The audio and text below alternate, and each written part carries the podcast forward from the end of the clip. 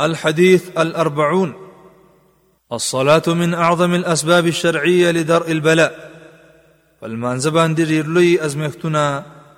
او امتحاننا لم ينززي عن حذيفه رضي الله عنه قال كان النبي صلى الله عليه وسلم اذا حزبه امر صلى حذیفه رضی الله عنه فرمای نبی کریم صلی الله علیه وسلم فرمایلی نبی کریم صلی الله علیه وسلم باندې بچی کله یو ازمخت راغې نو هغه بل مانځ ته مخ کړه او دا حدیث امام ابو داود رحمه الله په خپل سنن کې ذکر کړی دی د دې حدیث دراوی پیژندنه مخکې په سولورم نمبر حدیث کې ذکر شوی ده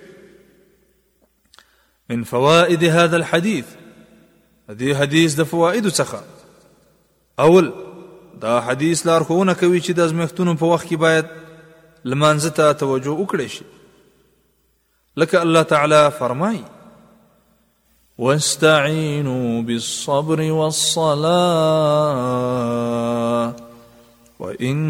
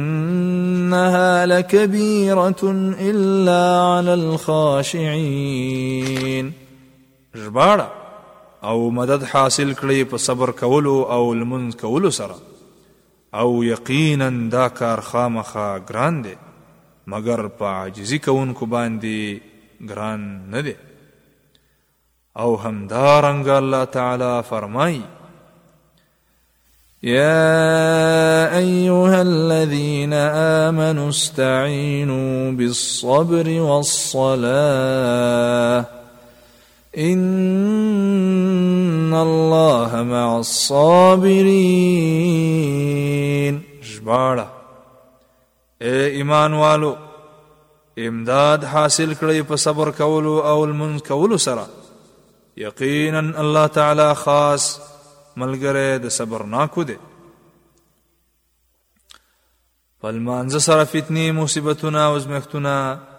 لرې کېږي دوهم دا حدیث لارښوونه کوي چې نبی کریم صلی الله علیه وسلم به د ازمېښتونو په وخت کې لمانځه ته مخه کوله مونږ باید هم د نبی کریم صلی الله علیه وسلم اقتدا او تابعداري وکړو او د ازمېښتونو په وخت کې لمانځه ته مخه کړو دریم اذا حزبه امر د دې لفظ معنا دا ده چې کله به یو مهم کار یا غم وغیره نبی کریم صلی الله علیه وسلم تراغه نو لمانځه ته به مخ کړه